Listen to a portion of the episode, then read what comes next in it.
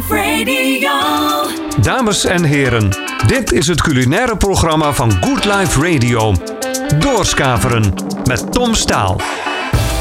Ja, goedenavond. Welkom bij Good Life Radio. Dit is Doorskaveren, programmaatje over eten. En ik zeg goedenavond. Dat is voor eh, de luisteraar die op dit moment naar de radioversie luistert. Als u dit hoort en het is geen maandagavond 6 uur 7 februari, dan luistert u naar de podcast variant. Daar zit niet heel veel verschil in. Waar het wel dat als we live zijn ook hele leuke muziekjes draaien. Bij Doorskaveren gaat het alleen maar over eten, eten en nog eens eten. En spreken we altijd met grootheten uit de culinaire wereld, maar ook verborgen pareltjes. En vanavond hoop ik voor de live luisteraar, maar ook voor de podcast luisteraar, dat hij gewoon blijft luisteren. Want we gaan het hebben over die geweldige Spaanse keuken. En dan gaan we het wel over iets meer hebben dan alleen maar tapas. Want die keuken is een tikkeltje onbekend in Nederland. En dat is eigenlijk heel jammer. Maar dan gaat ons uitgelegd worden hoe dat komt en ook wat we eraan kunnen doen. Want wie hebben we in de studio vanavond? Dat is iemand met een heel mini, mini klein Spaans tentje in Utrecht. En hij luistert naar de oer-Hollandse naam Mick Pieters van de tentje Los Amigos. Welkom Mick. Ja, goedenavond eh, Tom. Ja, Leuk om er te zijn. ja, gaan we het over Spaans eten We gaan hebben? het over Spaans eten hebben. Kunnen we daar een klein uur over vol praten? Ik denk wel meer. Maar Helemaal goed. we De Spaanse keuken in Doorskaveren. Dit is het culinaire programma van Good Life Radio. Doorskaveren met Tom Staal. Good Life Radio. Ja, Mick, Mick Pieters. Hoe komt zo'n oer-Hollandse jongen in die Spaanse keuken terecht? Dat is een goede vraag. Ja? Ja, het is niet, eh, eh, misschien een beetje bij toeval, maar misschien ook niet. Van jongs af aan met mijn ouders naar Spanje gegaan. Eh, wel altijd een beetje in de Costa Brava, de toeristische hoek. En later zelf steeds meer naar Spanje teruggegaan om het interessanter te vinden, te zien wat er nou meer is. En wat is er nou meer aan die mensen, wat is er nou meer aan die cultuur. En ik bleef maar teruggaan voor het eten. Dat, hoe ze daar met eten omgaan, dat is fantastisch. Ja, en, en eh, dat Ja, is en als ik dan aan mensen vraag, wat vind je dan fantastisch? Ja, het is het mooiste, dit mooiste, dat. Maar je hebt zometeen eh je hebt een klein uur om ons te gaan overtuigen daarvan. Maar vertel me eerst eens, wat, wat, wat maakt het dan fantastisch? Wat maakt het dan anders dan wat we kennen van tapas en dergelijke? Waar je zegt, nou dat is echt authentiek Spaans. Dat kennen we eigenlijk niet. Het gaat puur om de simpliciteit van, van de gerechten. Er moet niet te veel poespas aan, aan gedaan worden. Het zijn niet recepten waar je eh, 80.000 ingrediënten voor nodig hebt. Het gaat puur echt om de producten. Dus hoe creëer je het beste product? De zoektocht naar het product is belangrijker dan de zoektocht naar het ideale recept. En daar zijn ze natuurlijk bekend om de, de hammen. En nou, daar is al, denk ik, eh, een, een uur over vol te lullen. En dan alle andere programma's eh, of andere producten die ze nog meer hebben. Het is gewoon de beleving vanaf het moment dat ze eh, gaan klein zijn, gaan ze al lekkere dingen eten. De kleine kinderen staan eh, op de terrassen de gamba's leeg te slurpen, waar wij eh, de patat en de poffertjes voor de kinderen hebben. Worden daar van jongs af aan alles mee eten, alles pakken, grote schalen met familie. Het hele sfeer, cultuur, alles draait om eten. Het is daar geen ki- kids menu voor de kinderen met een frikandelletje, friet en appelmoes.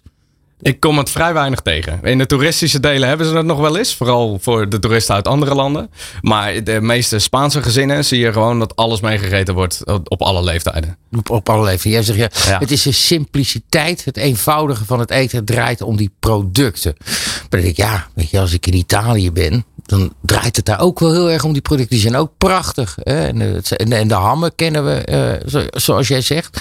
Maar ik, ik ben dan toch wel op zoek. Jij zegt, het recept maakt dan minder uit. Ja, Maar ja, je kunt hele mooie producten hebben. Maar dat kan je nog steeds door het verkeerd te bereiden verpesten. Ja, ja maar door er te veel dingen aan toe te voegen, maakt het ook alleen al de foutmarge groter. Dus als je een goed product hebt en er weinig aan toevoegt, dan maakt het het al makkelijker. Dan is de zoektocht naar het product wel het belangrijkste.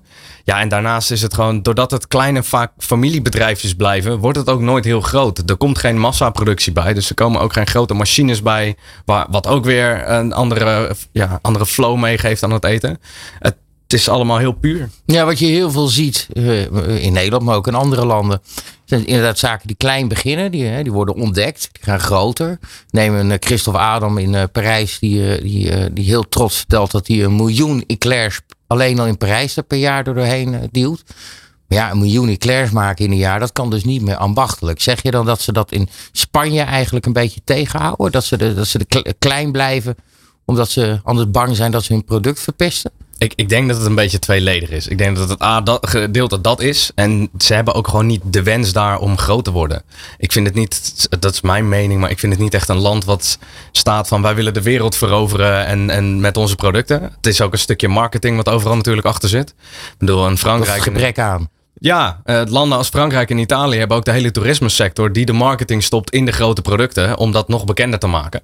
En ja, een land als Spanje doet dat gewoon wat minder. En dat, daardoor blijft alles vrij lokaal. Het is ook nog steeds dat Spanjaarden keukens ontdekken die er in hun eigen land zijn, die dan ook weer op een ander, in een ander deel ontdekt worden. Dus je merkt daar ook weer in dat ze nog steeds dingen aan het ontdekken zijn.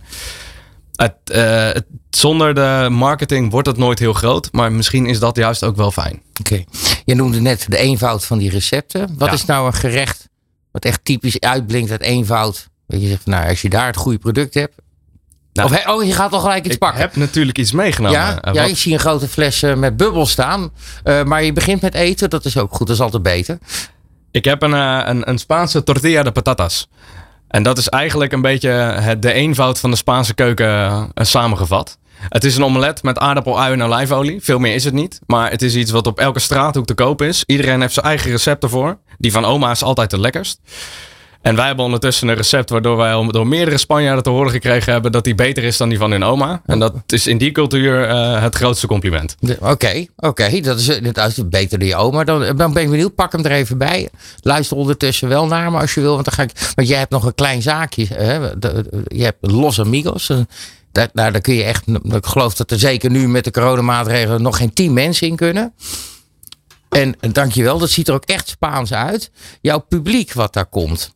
Is het de, de Nederlander die je bereikt met eh, de overtuiging probeer die prachtige producten uit Spanje nou eens? Of komen er eigenlijk veel expats, eh, Spanjaarden of studenten uit, eh, uit Spanje die in Utrecht zitten en denken, hè is even geen eh, standaard tappenita van La Cubinita.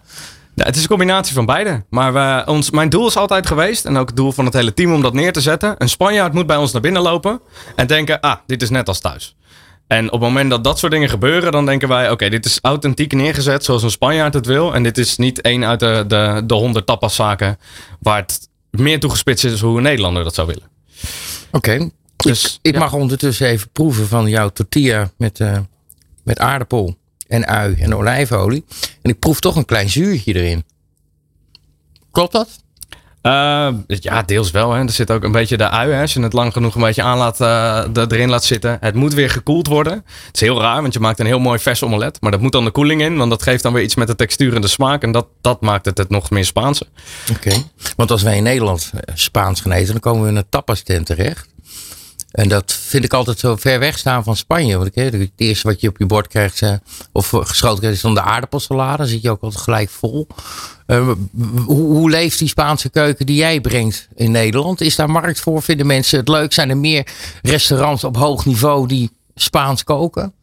Nou, ik merk eh, om ons heen dat er steeds meer het Spaanse zaken zijn in Nederland die het op dezelfde manier eh, beschouwen als eh, dat wij het doen. En ook wat, hè, er wat meer in willen laten zien. Barbetta in, in Rotterdam is een heel leuk voorbeeld. Die zijn ook echt, echt wat meer outside of the box en echt gaaf met die Spaanse keuken uitzicht dat dan uit? Uh, dat soorten gerechten. Het niet meer bezig zijn met, met hoe eh, het Nederlandse eh, maar een sausje overheen gooien en het dan kloppend maken. Maar gewoon echt dat pure, eh, pure product neerzetten. En een van, van eh, eh, mijn goede vrienden, eh, Rick de Moed, heeft zelfs nu zijn eigen Gamoneria in Breda. En een Gamoneria is eigenlijk een winkeltje wat toegespitst is op de hammen en op de snijwaren. En in Nederland heel erg onbekend. Maar in Spanje, ja, je ziet het op elke straathoek. Het is daar echt, het is een stukje cultuur.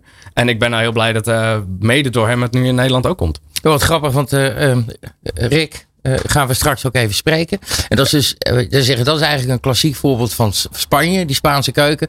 Ik richt mij op die vleeswaren, die hammen en meer niet. Ja, En dat, wil- daar wil ik het beste van krijgen. Goede producten.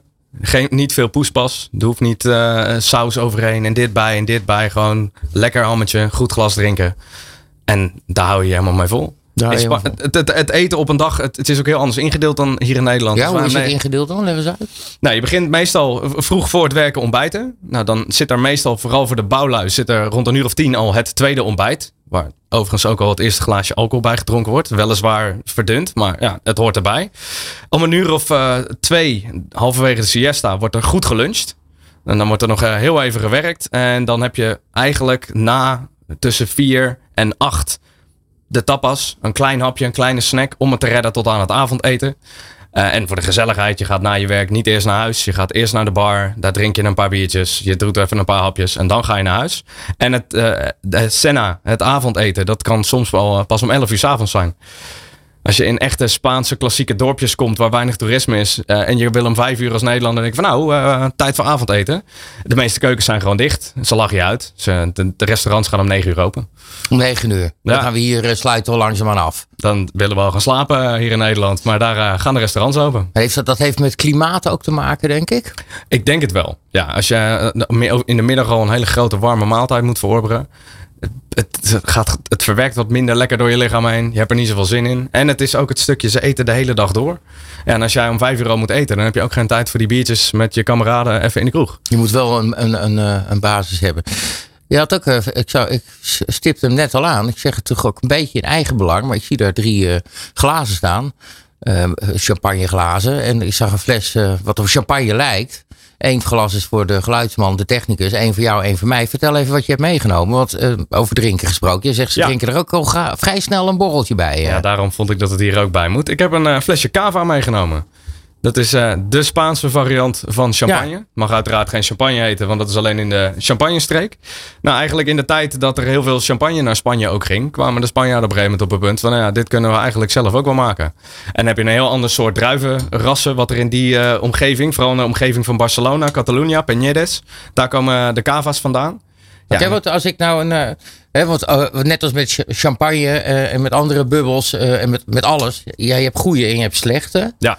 Ehm, hoe, hoe kan ik nou, als ik eh, bij een slijter ben die, die een aantal cava hebben, hoe, kan, hoe weet ik nou dat ik een goede heb? En dat gaat me niet zozeer om het merk, maar jij noemt net een paar druiven volgens mij. Ja. Nee, je hebt eigenlijk drie druiven die eh, doorgaans het meeste gebruikt worden in de cava. Dat is de Macabeo, de Pe- Pereira en de Xareo.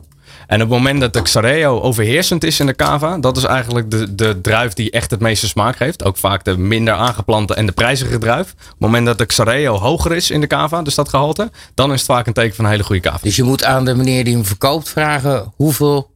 Hoeveel, ja, hoeveel procent Xareo zit er in de, in En, de hoe- en eh, vanaf hoeveel procent wordt het eh, interessant? Het, eh, meer dan de helft, dan wordt het leuk. Dan wordt, het- dan wordt het leuk. En hebben zij ook echt jaartallen of, of werken ze daar niet zo mee? Eigenlijk is het juist in de, in de cava dat het jaartallen vrij normaal is.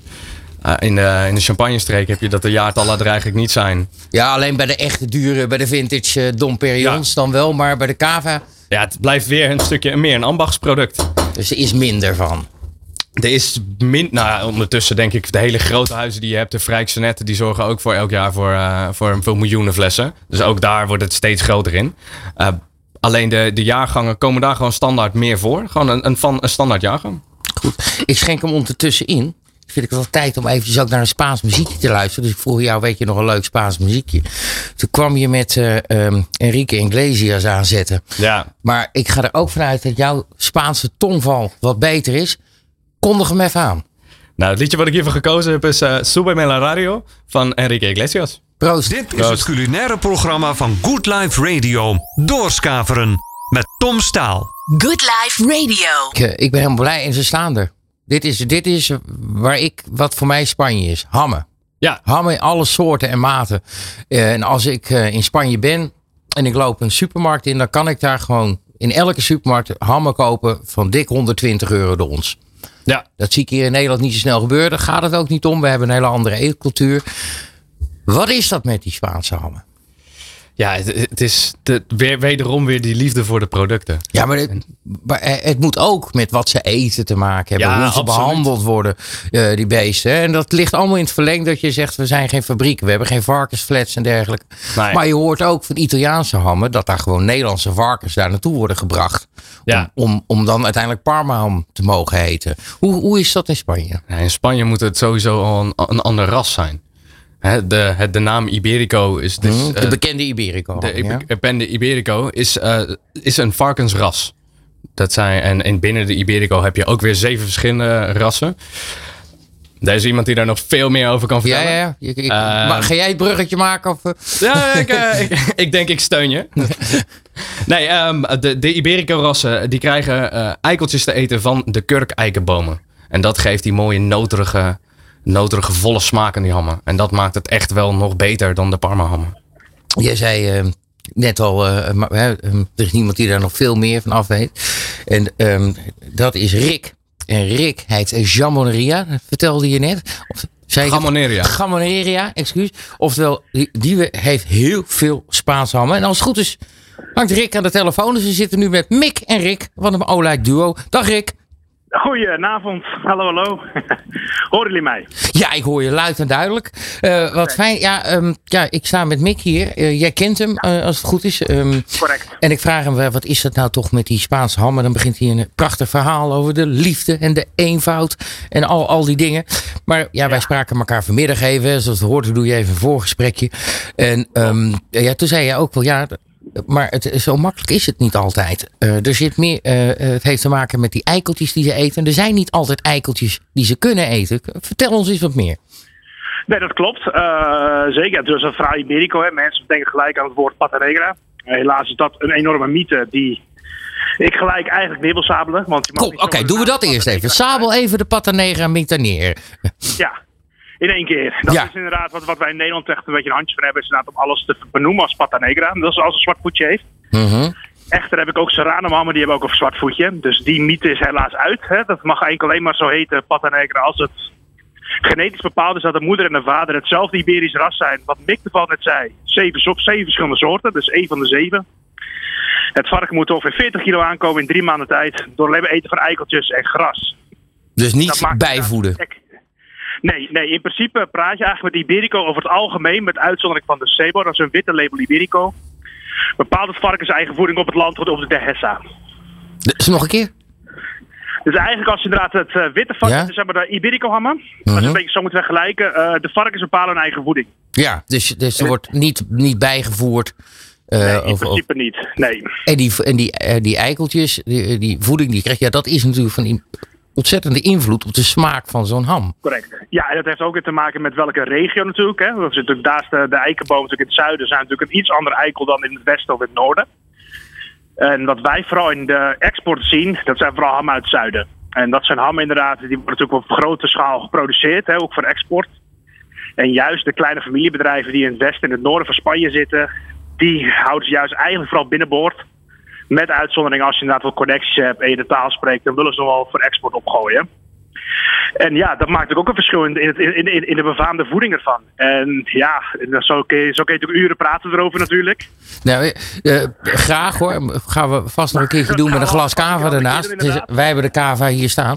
Eh, ehm, maar ehm, ik wil daar ze- laat mij eens even over meedenken. Want Mick hier zegt de hele tijd alles draait om die eenvoud en het beschermen van ons ambacht. Het is niet dat omhoog eh, eh, pompen en op hoog niveau of op, eh, op een, een hoge productie, een hoge hoeveelheid productie van hammen, zoals je met de Parma ham ziet. Klopt. Doe, ehm, jij vertelde mij ook over die eikeltjes. Ze zeggen ze als het moment dat zij nog meer varkens gaan laten lopen, dan zijn er op een gegeven moment dus niet genoeg eikeltjes om aan die voorwaarden te voldoen. Ze eten niet genoeg, Correct. ze krijgen niet een, groot, een goed genoeg vetgehalte. Is dat de enige reden waarom, eh, waarom ze het echt beperkt houden? Of zit er nog meer achter?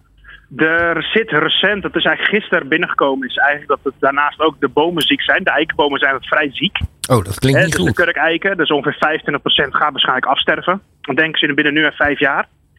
Dat betekent dus dat er dus nog minder eikeltjes te verorberen zijn voor de varkens. Waardoor ze dus keuzes moeten gaan maken van, joh, gaan wij nog door met het inderdaad voeren van de varkens met eikeltjes. Waardoor we dus kleinere hoeveelheden gaan produceren en het nog exclusiever wordt. En nog duurder. Ja, of gaan ze ervoor kiezen om inderdaad de beroemde belottehammen eh in te laten zakken. En dat ze op mee gaan zitten op dat ze gaan verdelen. Dat betekent dat het varken minder eikeltjes gaat eten. En dan meer gaat eh, leven van de, van de klaverblad, het gras en de granen die er in het land goed liggen. Dan gaat eigenlijk een beetje de voorwaarden gaan ze eh, aanpassen, zodat straks een, een, een Iberico ham, eh, Iberico ham mag eten. Ja, nou, de, de gobierno, zeg maar de Spaanse overheid, is nu aan het kijken van oké, als het scenario uitkomt dat 25% afsterft. Dat zou dus betekenen dat ze inderdaad hele andere plannen moeten gaan maken en hun regels moeten gaan aanpassen omtrent belotteham. En ja, dat zal dus ook weer van invloed zijn op de prijs. Want je hebt het nu over Belotto dat, kan zich door gaan trekken naar andere hammen ook natuurlijk. Correct, ja. Dus op een gegeven moment ga je gewoon krijgen dat, er- dat, dat, dat er gewoon minder, minder op de markt te verkrijgen is. En dan gaat natuurlijk ook nog te maken hebben dat, dat, dat in het oosten natuurlijk de vraag ook steeds groter wordt. En dat betekent dat er echt een soort uh, ja, een bid war gaat komen inderdaad van wie legt het meeste geld erin, die krijgt de ham. Dus we kunnen, we kunnen nu beleggen in flessen wijn, in whisky. Straks gaan we gaan beleggen in hammen. Ja, dat begint eigenlijk al. Dat is eigenlijk Jeetje. nu, nu we Oh, na ik dacht jaar- een grapje te maken, maar dat bestaat Ja. echt al. Ja, nee, vooral de Aziatische markt. Die mannen die kopen eh, ham op. Hè. Vorig jaar, of in 2020 was de duurste ham 4000 euro. Eh, uit uh, Gabugo vandaan. En die werd verkocht aan een Aziat. En afgelopen jaar is in Japan is er al een ham eh, verkocht voor 12.000 euro omgerekend. Voor één En ham. die, ja, en die mannen zetten het gewoon neer. Die eten hem niet op. Hè. Die zetten het neer net naast een fles Bordeaux, zeg maar. Echt puur als status. En Oké, ja, maar ik vind het prima als die man Ja. die dure ham ergens neerzet. Puur als Ja. status en dat ik het daarna kom opeten. Ja, dat zou perfect zijn. Dat Ja. is, maar, hij moet ook oppassen dat ze niet te lang liggen. Want hoe langer ze blijven liggen, hoe moeilijker het wordt om, de, om, om Goed. onder de juiste omstandigheden de ham goed te houden. En soms kunnen ze overrijp raken, waardoor ze inderdaad gewoon stuk gaan. En dan kan je ze weggooien. Rick, want tot nu toe vind ik het eigenlijk, eh, met alle respect, vind ik het helemaal geen leuk gesprek. Want je zit eigenlijk te vertellen dat die hammen die zo lekker zijn alleen maar duurder worden. Dat de eikenbomen ziek zijn. Die varkens niet meer lekker dik kunnen worden. Ehm, maar laat ons, laten we het even positief eh, eh, gaan afronden. Want Zeker. hoe komen wij nou wel, en, en ja, snap ik bij jou bestellen. Maar hoe komen wij nou eh, eh, als, als simpele Hollander wel aan die goede ham? En hoe, hoe, hoe, hoe komen we nou als we in Spanje zijn, hoe weten we nou bij zijn huis terecht te komen dat we met gebroken Engels zeggen, joh, mogen we toch even een pondje meenemen? ja, natuurlijk. Kijk, uiteindelijk is het belangrijk als je vooral in Nederland kijkt gewoon naar je slager inderdaad. Hè, wat ligt er ongeveer in zijn toonbank? Of bij de restaurants op de kaart kijken van joh, wat, wat, wat bieden ze aan? Er zijn gelukkig ook genoeg leveranciers die gewoon goede hammen aanbieden.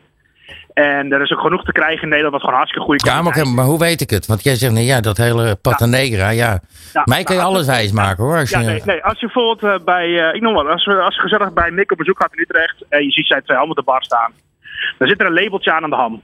Oké, En, en aan het labeltje kan je zien wat voor, wat voor ham het is. En ja, dan kan je precies zien wat je koopt. En dat maakt het wel een stuk makkelijker. En ik denk als je een groen labeltje hebt, een rood labeltje of een zwart labeltje hebt, dan weet je, dan zit ik perfect. En heb ik gewoon een fantastische Spaanse ham in mijn handen. dat, dat klinkt wel goed. En toen zei je net ook nog, hè, stel nou, ik rij door, door Spanje heen. eh, en ik, Ja. ehm, eh, eh, en ik, ik weet het voor elkaar te krijgen om het ham ergens te scoren. Toen zei jij, je kan hem ook te lang laten liggen. Dan wordt hij Ja. overrijp. Waar moeten we op letten? Hoe moet ik het bewaren?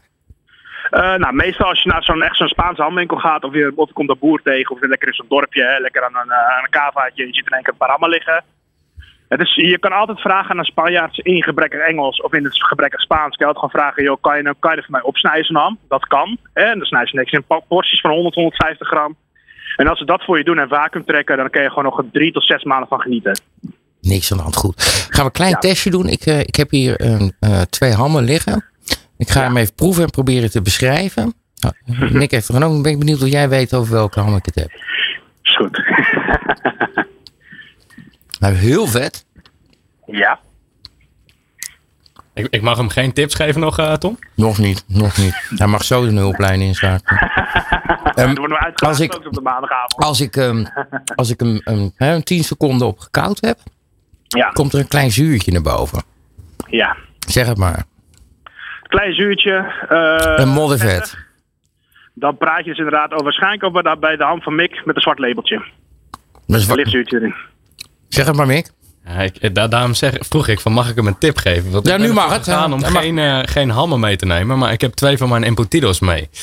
Dus daar is, eh, Ah, Ik heb het verkeerd uitgelegd. of- ik denk dat Rick dan al wel, eh, ehm, je zat met het zwarte label de goede richting in, alleen het is een Ja. Embutido ervan. Ja, de, de Bondiola. Ik heb de Bondiola bij me. De Bondiola. Vertel, wat heb, wat heb ik net geproefd? Eh, de Bondiola is een nekstuk van het Iberico-varken. eh, geproduceerd door een eh, hele goede vriend van mij, Francisco, uit Malaga. Jij kent die mensen echt persoonlijk. Ja, ja, zeker, ja, zeker. Ik heb ook wekelijks contact met Francisco en zijn vrouw en zijn- dochtertje die recent geboren is. En ja, ik spreek natuurlijk wekelijks voor mijn bestellingen. En de Bondiola is een wel een leuk verhaal. Het komt van het nek van het zuiver Iberico-varken. Dus een zwarte labeltje waar we het over Mhm. hadden. En het mooie is, hij maakt echt ambachtelijk. Volgens nog zijn grootmoederse receptuur eh, maakt hij dit product. En hij heeft er in 2090 de prijs mee gewonnen als beste Embutido van Spanje. Oké, eh, want ik ken die naam helemaal niet. En da- daarom vind ik het ook zo leuk dat ik jou aan de lijn heb en dat, eh, dat Mick hier is. Ehm, Ja. jij, jij zegt, ik ken die Francisco. Wat, wat, Hoeveel van die hammen produceert hij dan per jaar? En waarom vindt hij jou zo aardig dat hij aan jou wel een ham wil meegeven, zodat je die in Nederland kan verkopen? Nou, ik heb zelf al jaren in Malaga gewoond. Vroeger. Kijk. En dat maakt ook al verschil. Ik spreek de taal. En toevallig ben ik hem eigenlijk via via een keer tegengekomen in een barretje eh, in Ronda. En toen vertelde hij dat hij een heel kleine Iberico-producent was. En hij maakt maar 900 allemaal per jaar, wereldwijd. En hij verkoopt eigenlijk alleen in Spanje. En voor mij heeft hij gezegd, joh Rick, eh, jij mag voor mij de hele Benelux doen. Hè? Als je een aanvraag hebt, kan je het verkopen. Maar ik krijg ook maar gelimiteerd binnen. En ja, zo bouw je echt een, een band op met iemand. Hè. Ik werk nu twee jaar met Francisco samen. En ja, dat bevalt heel goed. Wat goed zeg. Nou, Ja. we, we mogen je heel dankbaar zijn. Ehm, ik ga nog even verder kletsen eh, met Mick. Dank je wel voor je tijd. En ehm, ja, wat wou je zeggen? Ik niks. Nee, ik wens Oh, gewoon een fijne avond. En, eh, gen- en eh, geniet nog even daarvoor. En eh, Mick, veel succes. Helemaal, Ja, goed, dankjewel. Ricky. Tot snel. Dank je wel. Komt goed, hè? En jij bent weer bevriend met Rick. Ja. En zo kom jij aan die mooie hammer. Ja, Dus, en welke andere heb ik nu hier? dat is de Cecina de Leon. Dat is een gedroogde runderham uit het noorden van Spanje. De omgeving eh, eh, Castilla y León bij Burgos. En daar komen deze fantastische producten van. Maar het is echt heel zout. Ja, ja, ja het, is, eh, het, het moet geconserveerd worden natuurlijk. Hè. Het blijft eh, de rauw, eh, rauw vlees. Maar de, de smaak, het is zeg maar... Ik noem het heel oneerbiedig altijd de Spaanse variant van de runderrookvlees. Alleen het, alleen het al, de, de naam noemen doet al te weinig eer aan dit product. Het is, het is inderdaad heel mooi. Is het zo simpel? Je pakt een stuk vlees eh, van die koe, de, de billen, of van een varken, de, de, de billen, of eh, de nek had je, hebben we hier een stukje liggen. En dan hang je het buiten in de lucht en dan laat je het drogen. Is het zo simpel? Het wordt in ieder geval ook nog gerookt. Dat nog wel. gerookt? Ja, en het is eh, waarom wij dit in Nederland niet zo goed zouden kunnen. Je hebt gewoon hun kamers waar ze dat vlees Mhm. laten drogen.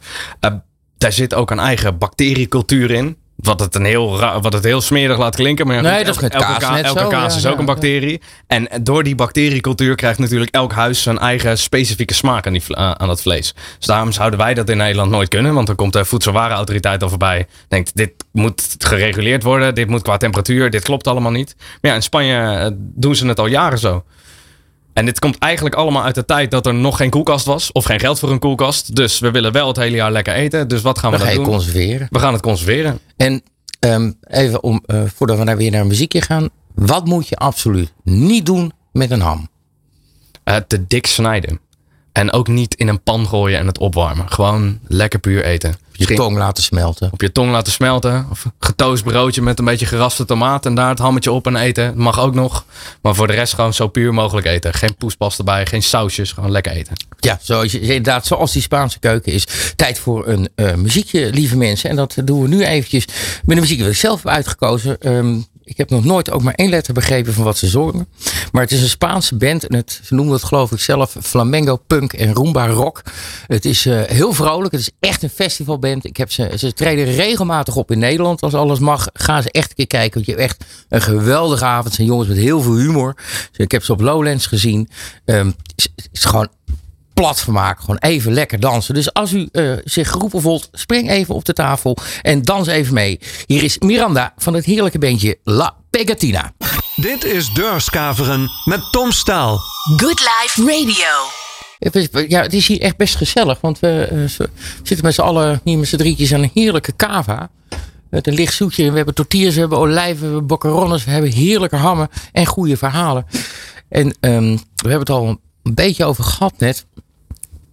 Die Spaanse keuken is meer dan tapas. Het is meer dan churros. Het is meer dan die vlam. En, en ehm, ja, toch horen we er weinig over. Hoe komt dat?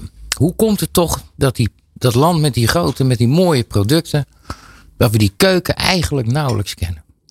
Ja, ik, ik denk wat we eerder ook al zeiden. Dat het een stukje met de market, het gebrek aan marketing vanuit de landen hebben. Marketing en economie, dat zijn geen dingen die, eh, waar de Spanjaard goed in is, hè? Nee, niet per se. Ik wil er geen eh, Spanjaarden mee beledigen. Want het is juist ook wat het zo'n fijn land maakt. Ja, nee, dat is Maar- ook helemaal geen belediging, denk ik. Ja, nee, het is juist. eh, wij kennen overal de olijfolies uit Italië. Maar over de olijfolies in Spanje denken we. Oh ja, dat maken ze daar ook. Maar die van Italië zijn veel beter. Terwijl ik zo'n groot arsenaal aan fantastische olijfolies uit Spanje ken. Dat ik denk, ja, dit is raar dat wij dat niet kennen. Maar daardoor blijft het wel kleine boertjes die een eigen productie doen. Die zelf nog de, olijven staan malen. En daardoor hou je dat mooie pure product. Dat, dat, jij zegt, maar ben je niet bang dat uiteindelijk de commercie het ook daar gaat winnen? Uh, nee, bang. Ja, het gaat het uiteindelijk toch wel een keer gebeuren. Wat Rick net ook al vertelde over de Aziatische markt die alle hammen inkoopt met alle producten. Dat gebeurt uiteindelijk.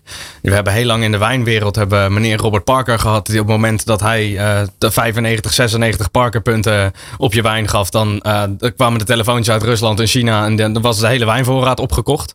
Dus dat soort dingen zullen altijd wel gebeuren op het moment dat er iets heel bekend is. Maar jij denkt dat de liefde van de Spanjaard voor zijn eten, voor zijn product zo groot is dat hij wat zo'n Francisco ook doet, niet meer dan 900 hammen. Nou, dat denk ik wel, ja. ja het heeft ook met de ruimte te maken natuurlijk. En alle regeltjes die ze overal hebben. Dus het kan soms ook niet groter. Maar ze willen ook niet, ze hoeven ook niet altijd groot te worden. Als wij in Nederland een bedrijf beginnen, dan moet dat groot, groter, grootst. En daar willen ze gewoon kunnen leven. Want anders leggen ze straten, zijn ze de straat aan het betegelen. En dat willen ze niet. Zo kijken naar restaurants, hè, het wat hogere segment. Uh, jarenlang beste restaurant van de wereld. Je kon er nauwelijks reserveren. Dat kon je geloof ik op 14 januari proberen. En binnen een kwartier was het gewoon het hele jaar uitverkocht. Adriaan Ferrer, zeg ik goed? Uh, ik zeg Ferran Adria. Ferran Adria van El Bulli. Uh, heeft nu een aantal zaken in, in Barcelona. Kleine zaakjes waarmee hij in achterstandswijken, waar hij echt jongeren mee helpt. Hè? Dat is zijn broer. Dat doet hij samen als het goed is hoor. Ja, zo, dat, dus dat die restaurants zijn echt van zijn broer. Oké. Okay. is daar echt mee. Oh grappig. Zo. Zijn broer werkte overigens ook in El Bulli. Hè? Ja. Heeft een jonger broertje, Ferran Adria. Die is, is een stuk, geloof ik, tien jaar jonger. En die werd op een gegeven moment door zijn ouders maar naar zijn broer gestuurd. Van, joh, ga daar maar, uh, hij, heeft hij werkt in een restaurant, ga maar helpen. En daar ging hij helpen, wist nog niet echt wat hij eh, wilde met zijn leven. Dus hij is op een gegeven moment maar de, de, toen nog de toetjes gaan doen daar. Nou, dat werd uiteindelijk de desserts, want uh, Ferran kreeg een Michelinster. En zodoende is Albert Adria, zijn broer, uitgegroeid tot het werelds beste patissier.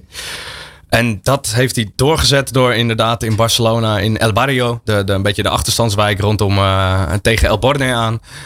Um, een aantal restaurants te openen, waaronder de Tickets, een, uh, een, een tapasbar eigenlijk ook, maar een revolutionaire tapasbar waar die met je, met je hersenen aan het spelen is de hele tijd. Ja. Dat hoeft voor mij niet altijd. Ik vind gewoon een stukje ham ook lekker ja. als hij hier ligt. Um, maar het is wel typerend dat we uh, weinig horen over grote bekende restaurants. Behalve hè, het El Bulli wat we nu horen in Spanje. Terwijl, ja, voor mij uh, ze echt ongeveer net zoveel Michelinsterren hebben als in Frankrijk.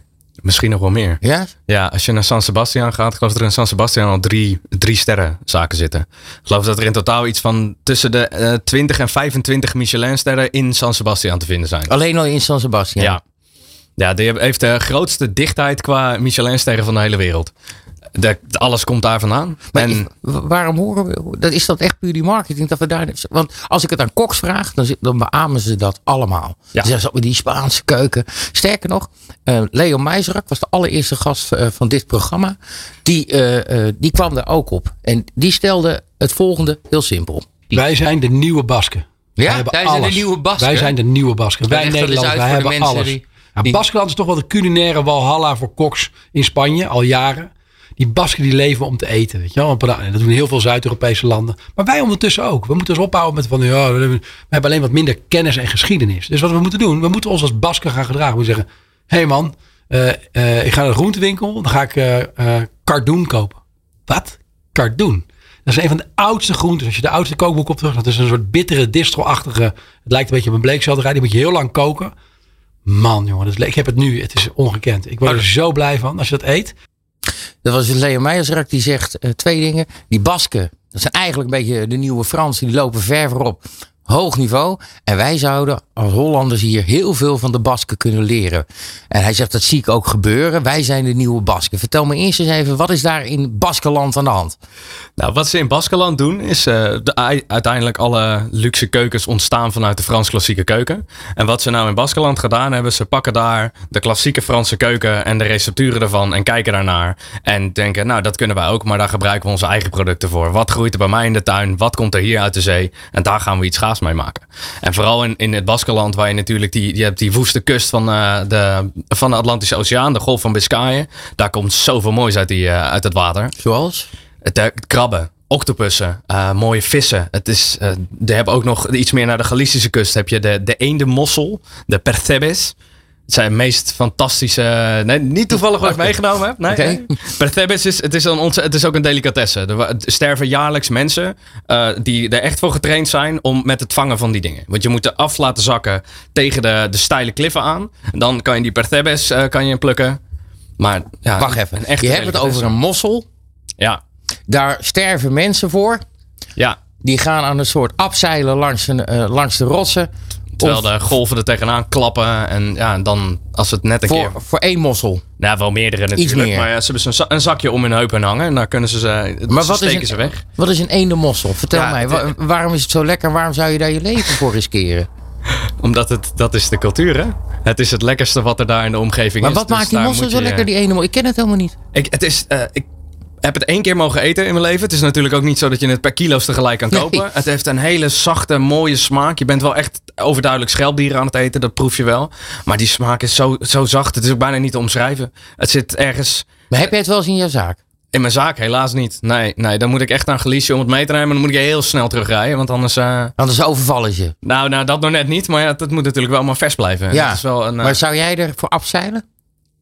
Ik heb echt hoogtevrees als ik op de zaterdageditie sta. Dus ik weet niet of dat een goed idee is. Maar uh, uh, ik ben wel gek genoeg als het om echt heel goed eten gaat... dat ik ook heel ver wil gaan ervoor. Oké, okay, maar de ene mossel dus. Maar goed, die Basken, die zijn, die zijn echt helemaal gek. Die zijn nog gekker dan de rest van Spanje. Op een eh, goede manier. Ja, nou ja, ik denk dat je. Je hebt sowieso. Uh, ik ben meer in het andere deel van Spanje altijd. Ik ben in Catalonië. Uh, het grote verschil is dat zowel de. Of, of, met Spanje is dat zowel de Basken als de Catalanen. vinden zichzelf geen Spanjaarden. Ze praten eigenlijk over losse landen weer: Baskeland en Catalunya. En, ja, en Spanje. Dat is een hele andere politieke discussie. Moet je het met Spanjaarden ook niet over hebben, want het ligt heel gevoelig. Maar het merkt daar ook wel in dat ze dus niks willen hebben wat daar van buiten komt. Ze willen wat ze zelf hebben. En dat gaat met simpele dingen zoals je daar een visje bestelt. Dan krijg je de hele vis. En iemand die die vis aan tafel uit elkaar haalt en vertelt welk deel van de vis je aan het eten bent. En nee, de kop wordt gewoon ook erbij gehaald en het wangetje wordt eruit gehaald en daar maken ze iets van. En het wordt eventjes nog in de boter, met uh, echt goed veel boter even aangebraden en dan krijg je, krijg je het stukje, dit is de wang, dit is het lekkerste.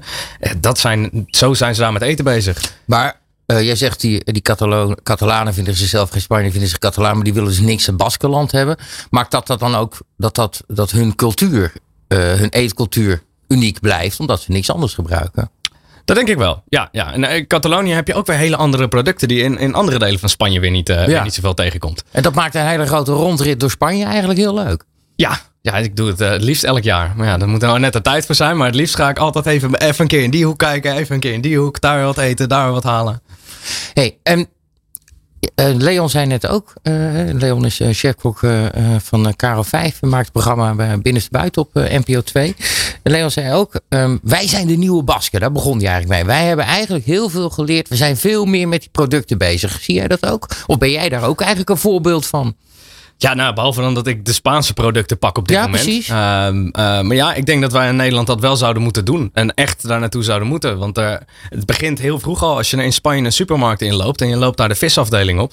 Dan ligt het vol met de mooist verse producten, de mooist lekkere vissen. Als wij de supermarkt inlopen, dan hebben we een, een voorverpakt een, een bakje. En daar ligt een stukje zalm in ja, dat is wel met, met dat soort dingen, dan zijn, gaan we nooit een eigen trotse eetcultuur krijgen. Ik heb nog nooit een zalm uit de Noordzee gevangen.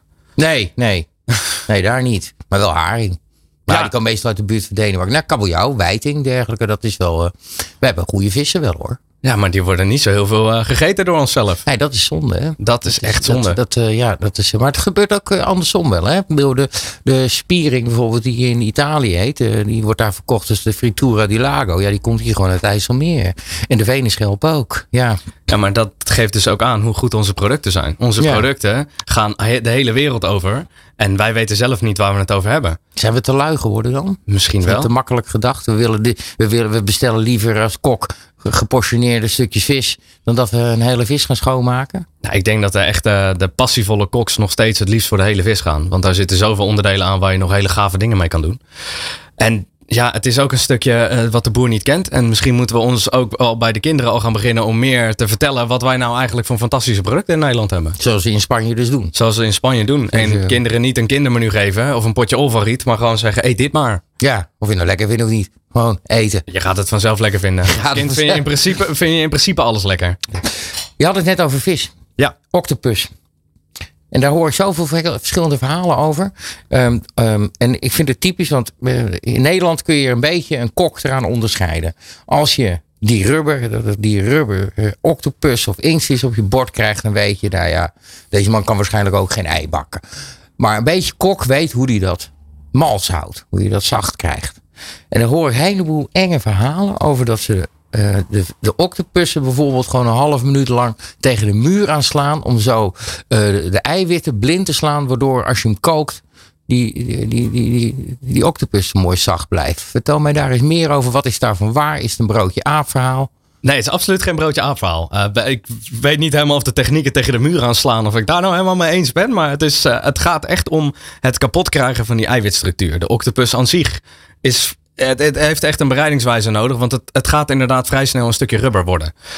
En met inktvis is dat haast nog erger. Daarom zijn 9 van de 10 keer de inktvisringen die je ergens eet, zijn een soort elastiekjes. Nou, octopus is al qua bereiding wat moeilijker. Dus die wordt vaak al overgeslagen van daar gaan we helemaal niet aan beginnen. Maar het gaat echt om die technieken die je moet toepassen. En daar zijn, ik denk wel twintig verschillende methodes voor. Ik ben ook heel lang op zoek gegaan van hoe wordt het nou opgelost. Nou, dan kom je uiteindelijk weer bij een receptenboekje van een oma.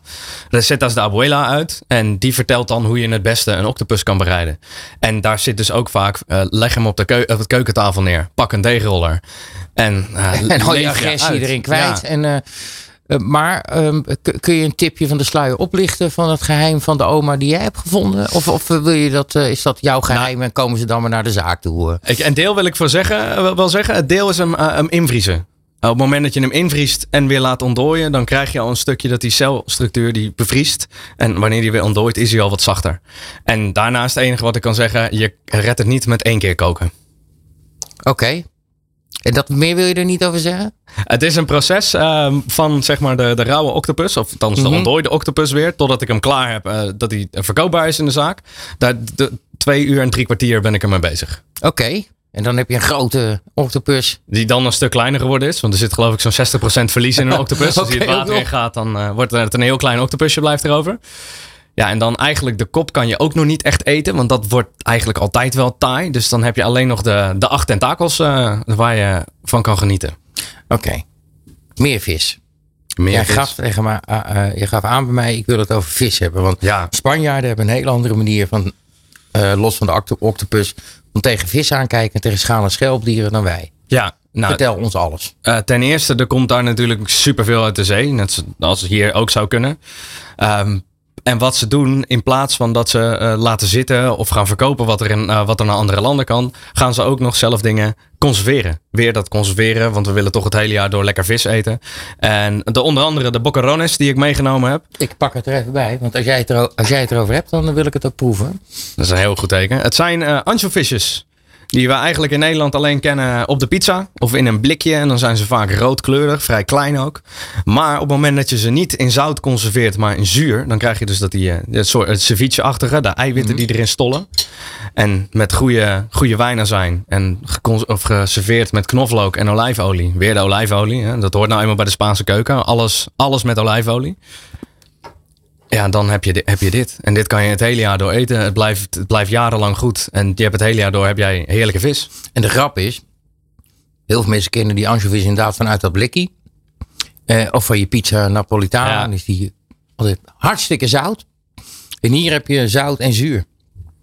Ja, ik vind het zelf fantastisch. Het is zo lekker fris. Je kan het op elk moment van de dag is het wel even lekker snel weg te eten. Zeker als je in die hitte zit. In Spanje snap ik dat dit heel, eh, heel En ook met het, uh, met het glaasje drinken erbij. Daar gaat maar, er ook perfect mee.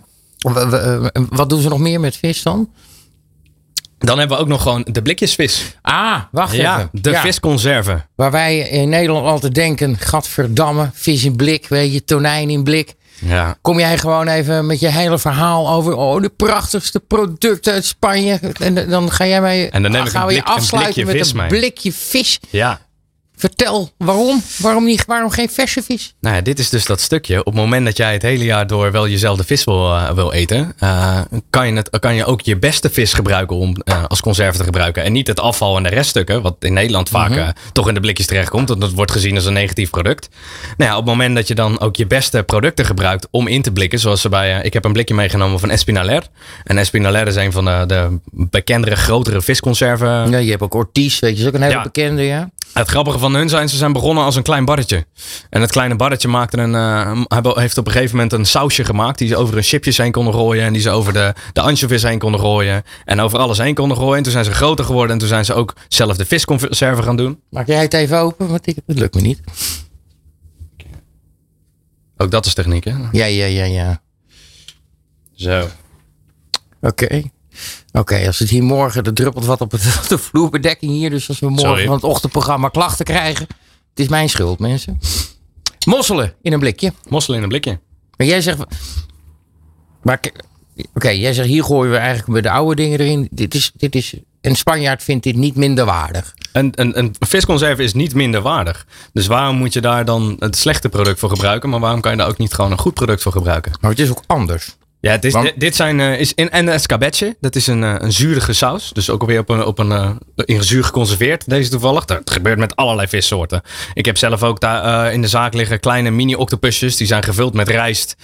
en in hun eigen inkt weer een sausje. Ze doen er echt alles mee. Mag ik eerlijk zeggen dat ik dit niet zo lekker vind? Nee? Ik, nou, het heeft een beetje korrelige structuur gekregen. Terwijl ik die mossel zo lekker vind vanwege dat wegen. Dat frisse, zachte, ja. romige. Ja, nee, dat, maar dat smaak? Smaak is, uh, over smaak valt niet te twisten. Oh, jawel hoor. Behalve in dit programma natuurlijk. Ik zeg zeker niet over die van mij. Um, maar um, ja, ik, ik, ik, ja, ik weet niet. Ik, heb daar, ik vond die, die visjes, die boccherones, vind ik dan wel heel lekker. Maar... Ja, ja, die heb, uh, daar, ik heb toevallig deze meegenomen. Je hebt alle, ook de octopus heb je Ja, die octopusjes. Die klinken echt... Uh, ja, en daar zit rijst in. Daar zit rijst in. Ja, natuurlijk ook de Spaanse keuken is ook de rijst. Ja.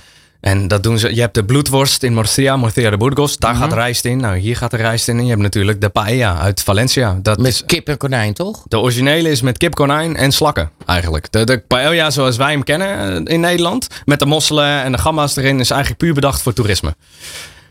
En het, het, is begonnen met. Het is gewoon het is, het boerenkost. Is, het is dus wel echt een onderscheid maken in die Spaanse keuken. Wat eet je in toeristenplekken? Maar ook op die toeristenplekken zal waarschijnlijk ook authentiek Spaanse keuken kunnen vinden. En dan kom je echt bij die streekgerechten terecht, die streekproducten die ze beschermen. Ja. En daar moeten we naartoe. En dan mag jij er alvast gaan nadenken of je onze luisteraars tips kunt geven waar ze nou naartoe moeten als ze weg willen blijven van die paella, van die tapas, van die churros. Gaan we ondertussen even naar een liedje luisteren. Ook, ook eentje door jou uitgekozen. Want heel erg thuis ben ik niet in eh, Spaanse muziek. Uh, maar dit is Mark Anthony. Ja. Nou, uh, dat, die, dat is natuurlijk geen Spanjaard. Nee, Latijns-Amerika. Hè? Ja, hij zingt wel in Spaans. Ik, er is één film waar ik helemaal gek van ben. Het gaat over de Italiaanse keuken. Le Grande Noche, Big Night. En die heb ik denk ik wel tachtig keer gezien. En de tiende keer dat ik hem zag, toen zei op een gegeven moment die meisje wat naast me zat. Die zei, hé, hey, dat is Mark Anthony. Ik dacht, wat? Ik moet een keer terugspoelen. En verdomd, het speelt daar een rol in. Die speelt daar de, de, uh, een, ja, een, een obertje, die mag, die mag de boel vegen. En die zegt in die hele film drie woorden. En dat vond ik zijn beste rol ooit. En nu gaan we naar een liedje van hem luisteren. Good Life Radio. Good Life Radio. Alles wat je leven leuk maakt. Ja, Mick, we hebben het over uh, geconserveerde vis gehad, over octopussen, over hammen. Over prachtige dingen, over jouw liefde voor het eten. Vertel me nog eens even kort, wanneer besloot jij om daar nou een zaakje in te beginnen? Uh, ik uh, ben naar uh, de Formule, kort, in, in, in, de Formule 1 geweest in Barcelona. En daar hadden we een, rental local. En met mijn toenmalige compagnon Roy liep ik daar in, in de Champaneria's. en toen dachten we, dit moet in Nederland. De sfeer, het was zo druk. De flessen cava vlogen om je oren heen. hapjes erbij. Het, je kijkt een barman aan. Hij, kijkt je ver, hij zegt, vraagt verder niks. En er staat een nieuw drankje voor je neus. Ik dacht, dit is de sfeer. Dit wil ik. Dat heb jij in Utrecht. Los Amigos. Um, jij zegt heel tijd champineria. Jij noemt het ook champineria. Ja. Maar waarom champineria? Waarom is het niet een cavaria? Uh, nou, cavaria is, uh, ja, als je dat googelt, kom je volgens mij op de, de swingersvereniging van België uit. Ha. Daar hebben we op zich ik, ik weet tegen, ik weet genoeg, ik ga gelijk googlen. Um, nee, mensen, we wilden het, de tips bij eten houden. We wilden nog ja. eventjes korte tips. Stel, wij als simpele Hollanders, die echt dat wat jij zegt. Ga nou eens, blijf nou eens weg bij die tappensteentjes, bij die toeristenplekken. Waar moet je naartoe? Wanneer weet je nou, hier zit ik bij een echte tent. Hier is het eten goed. en echt Spaans. Ja, eigenlijk even alle Nederlandse ideeën over sfeer weglaten. Dus het hoeft niet donker te zijn. Het liefst willen we naar een zaak waar heel veel TL-verlichting hangt. Alles moet verlicht zijn met TL-verlichting. En naar buiten staat een terrasje vaak met plastic stoelen. Het liefst ook van een biermerk. Cruz Campo, San Miguel. Hè? Een van de Spaanse biermerken. Dat je kan zien, dit terras hebben ze gewoon gekregen. En uh, een 20 jaar geleden zeg maar. Ja, dat ook. het plastic is nog net niet vergaan. Een, een koelkast die in de zaak staat waar het licht volle bakken uh, uitkomt klein detail wat ik bij mij in de zaak natuurlijk ook uh, gekopieerd heb. De lichtgevende koelkast. Je hebt nog, je hebt nog 10 seconden. En er moet een tv aanstaan, zonder geluid. Met dan heb je goed eten. met videoclips. Dan heb je goed eten, goed drinken. Mag ik jou hartelijk danken voor al het lekkere eten. Je mooie verhalen over de Spaanse keuken. En onze luisteraars heel erg bedanken voor het luisteren. Volgende maand is er een nieuwe Doorskaveren. En dan gaan we het over vlees hebben. Varkensvlees, kippenvlees, rundvlees, lamsvlees, wild, gevogelte. U kunt ze gek niet bedenken. Met een geweldige slager Dick van Schip. Hartelijk bedankt voor het luisteren. Dit was Doorskaveren. Tot de volgende keer. Dit is het culinaire programma van Good Life Radio.